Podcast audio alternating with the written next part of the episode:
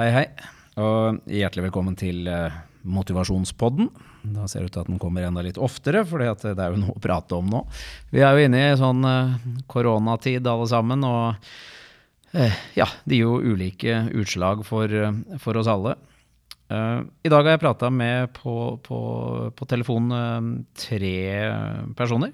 For jeg syns det er litt interessant det at noen er jo i den situasjonen nå at de plutselig har fått mer å gjøre, og hvor det virkelig er viktig at de er dønn til stede og tilrettelegger livet sitt for å prestere på jobben.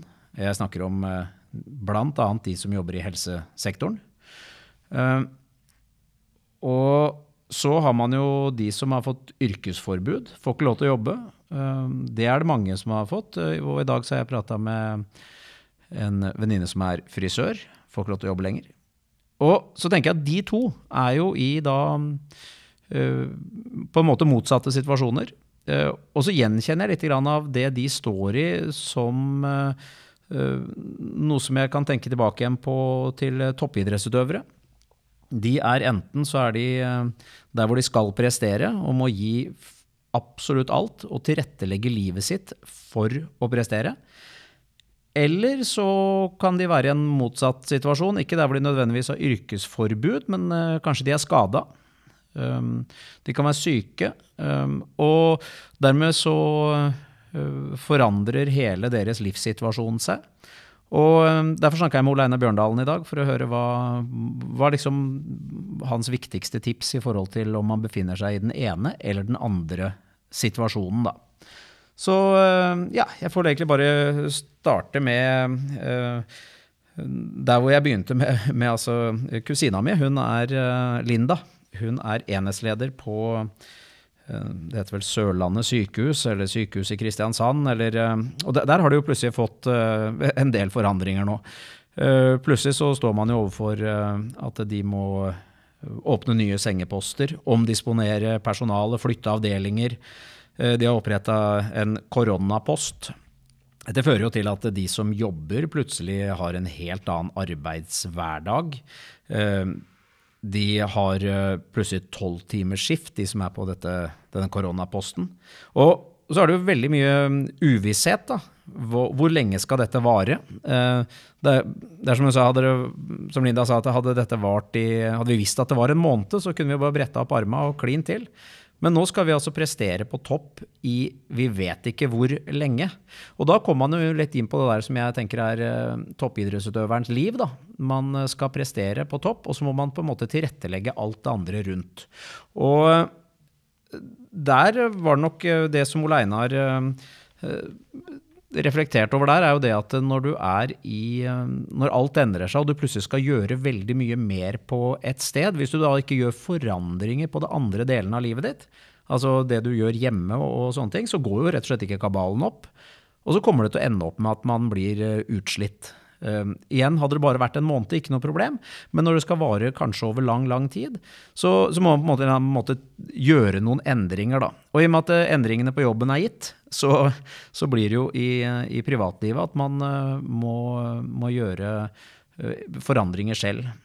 Og, og, kanskje det aller viktigste der, som Ole Einar var inne på, det er at det viktigste her nå er at man jobber med forventningsavklaring til alle rundt seg. Altså snakke med de aller nærmeste om eh, at nå har jeg mye å gjøre, og det kommer til å være Det er viktig at jeg er uthvilt når jeg kommer på jobben. Eh, og det gjør at vi kanskje må gjøre noen forandringer hjemme nå. Kanskje barna må bli flinkere til å hjelpe til, at de får noen oppgaver. Kanskje de må ja, bare få rett og slett bare vite at nå er mor eller far litt mindre eh, tilstedeværende, eh, både sånn rent timemessig hver dag, men også at man trenger, kan være sliten når man kommer hjem. Snakke med uh, samboere, kjærester, uh, ektefeller om uh, at nå trenger jeg å ha fokus på jobben min. Altså hele veien den forventningsavklaringen, også til nær sagt venner, besteforeldre, sånne ting, og, og si at det er ikke Nå er det jobb som er fokus for meg. Og de, den biten der er liksom noe av det aller viktigste. Og så er da det neste, når man har gjort det, så er det å se hvor er det jeg nå kommer til å trenge hjelp. For Hvis jeg nå skal jobbe så mye og være så konsentrert om å være til stede på jobben, Hvor er det jeg kommer til å trenge hjelpen? Og så be om hjelp. Spørre de rundt om ø, å få avlastning, rett og slett. Og så kommer jo da den der, som er liksom jeg liker som har gått, så den der toppidrettstanken. Da, det er det at når du er på jobb, da er du på. Så det, det trenger ikke å tenke på at du skal være påskrudd på jobben. Men når du kommer hjem, så må du på en måte være påskrudd der også. Og da skal du helst være av, da. Du skal slappe av. Og det er en ny situasjon. Som Linda sa, at det stedet hun slapper helt av, der hvor hun har helt ro, det er når hun drar på hytta. Da kobler hun helt av fra jobben. Problemet er at hytta er i Setesdalen. Så dit kommer hun ikke. Så nå må hun altså klare å finne ro hjemme, og finne de, av, de stedene hvor hun kan slappe helt av der. Og det er en helt ny situasjon, men det er viktig. Så sånn hovedtrekk råd eh, for eh, de i helsevesenet her, de som har fått mye å gjøre, det er at ta en titt bak, snu deg rundt nå fra jobben, og så se på det som er hjemme og hele livs, livssituasjonen. Og, og, se på hva er det som må forandres her, hvis dette skal gå over tid. Ta praten med de nærmeste. Gjør en forventningsavklaring. Og ikke minst eh, få hjelp når du trenger det. Og så prata jeg da med eh, en annen venninne. Eh, det er en venninne av meg, eh, Emilie. Hun er frisør i Stavanger. Og det er klart at eh, hun har jo det, De fikk beskjed om på tre timer om at nå skal alt stenges. Og det er jo som å bli skada. Altså det er som å få revet av en, en scene når du er toppidrettsutøver. Plutselig så legges alt i grus. Altså, det er en mental omstilling som er helt uh, utrolig. Fordi at uh, du skal ikke på jobb, og du vet ikke når du får lov til å komme tilbake på jobb. Det gir jo selvfølgelig en hel masse uvisshet i forhold til økonomi, i forhold til helse. Uh, hva skal jeg gjøre for noe framover? og så får man jo plutselig en helt ny hverdag, for nå skal man bare være hjemme. da. Og hjemme er man ikke vant til å være 24 timer i døgnet, man skal jo være helst inne så mye som mulig også. Og når man da er hjemme med barn i tillegg, som veldig mange er, så får man en voldsom omstilling her. Og da går man fort i sånn overlevelsesmodus. Det er jo det jeg prater med Ole Einar om. Han sa at det er liksom det som skjer når vi blir skada, er jo at du Alt ramler jo ned, for du hadde jo en plan klar. Du skal konkurrere der, og du skal være klar sånn. Og, og da gjelder det så fort som mulig å akseptere situasjonen man har havna i. Altså ikke sture over den. Det er ingen som kan eh, som, Det er ingen uh, sutring eller at man føler, synes synd på seg selv som kommer til å rette opp i situasjonen.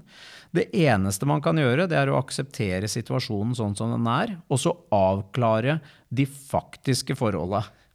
Og da er det ikke alt man vet noe om, men hva er det man vet noe om? Jo, du vet jo hvordan hverdagen skal bli i morgen og i overmorgen og de neste dagene. Og så må man prøve å gjøre de så bra som overhodet mulig. Og en litt sånn artig ting da, det er at uh, Ole Einar hadde jo en uh, voldsom skade i, i ryggen uh, for noen år tilbake. Og det var kanskje den perioden da han trente mest. Men han trente ikke, fikk jo ikke trent ryggen, men han trente alt annet. Så han ble sterkere i overkroppen, sterkere i beina, og kom tilbake sterkere enn noensinne og bedre enn noensinne. Og Det er jo litt av det man eh, kan gjøre når man er eh, hjemme også. Det er jo selvfølgelig først og fremst å tilrettelegge sånn at den hverdagen blir meningsfylt. Men så er det også å prøve å tenke hva er det jeg kan bli bedre på nå? F.eks. For, for Emilie så handler det om at hun føler jo nå plutselig på at den kroniske senebetennelsen som hun har, og som mange frisører har, den har jo blitt mye bedre nå. Så nå kan du bruke denne tiden til å trene opp igjen eh, muskulatur og sånne ting, som gjør at hun kanskje nå kan holde på enda lenger og, og være, ha mindre belastningsskader i yrket sitt når hun kommer tilbake der. Og så handler det om å prøve å tenke hvordan kan jeg nå bli bedre? Hvordan kan jeg utvikle meg eh, i faget mitt? Og hvis man jobber da som frisør, så er det jo veldig greit, at, eller veldig greit, men det de gjør, det er at disse leverandørene deres, f.eks. L'Oreal som leverer til, uh, til Emilie sin salong, de har jo online-kurs hver dag. De har coaching hvor de videreutvikler frisørene og gir de masse, masse påfyll. Så, så, man kan gjøre det på den måten, eller så kan man sette seg ned selv og utvikle seg. Men det er viktig å bare tenke at det, er én ting jeg kan påvirke, og det er hva jeg gjør i dag, og hva jeg tenker om fremtiden. Så det å ha en sånn positiv tanke om at jeg skal tilbake igjen, jeg vet ikke når, jeg vet ikke hvordan, men når jeg kommer tilbake igjen, så skal jeg være sterkere enn det jeg var når jeg starta. Det er vel egentlig det jeg tenkte å dra sammen i dag, hva øh, toppidrettsutøverne tenker og gjør, og hvordan øh, vi må øh, omstille oss alle sammen, øh, enten vi har fått for, my for, mye å gjøre, eller om vi har fått yrkesforbud. Og så en liten ting som vi har gjort hjemme. for at vi er, Wenche og jeg er så heldige at vi får lov til å gå på jobben noe. og så går vi tur i skogen. Det syns vi er veldig ålreit. Men så har vi jo havna i denne her eh, seriefella, da. For vi har mye tid. Og da ser man serie, og det er jo umulig når man Altså fantastisk gode serier. Så klarer man jo ikke å slutte, ikke sant? Så nå har vi gitt oss eh, rett og slett litt serieforbud ved altså en liten periode. Så nå fremover så ser vi én film maks om dagen. En film den eh, er ferdig når den er ferdig, og så, uh, ja, og, og, og, så blir man ikke sittende liksom, time etter time for å følge opp serier. Så det har gitt oss en liten sånn uh, pustepause fra å bli dratt inn i sofaverden. Vel, uh, det var nå det jeg hadde tenkt å si i dag. Takk til min kjære kusine Linda for veldig gode innspill, og takk til Emilie. Og selvfølgelig takk til Ole Einar for hjelpen. Så ønsker jeg deg en helt fantastisk super og nydelig dag.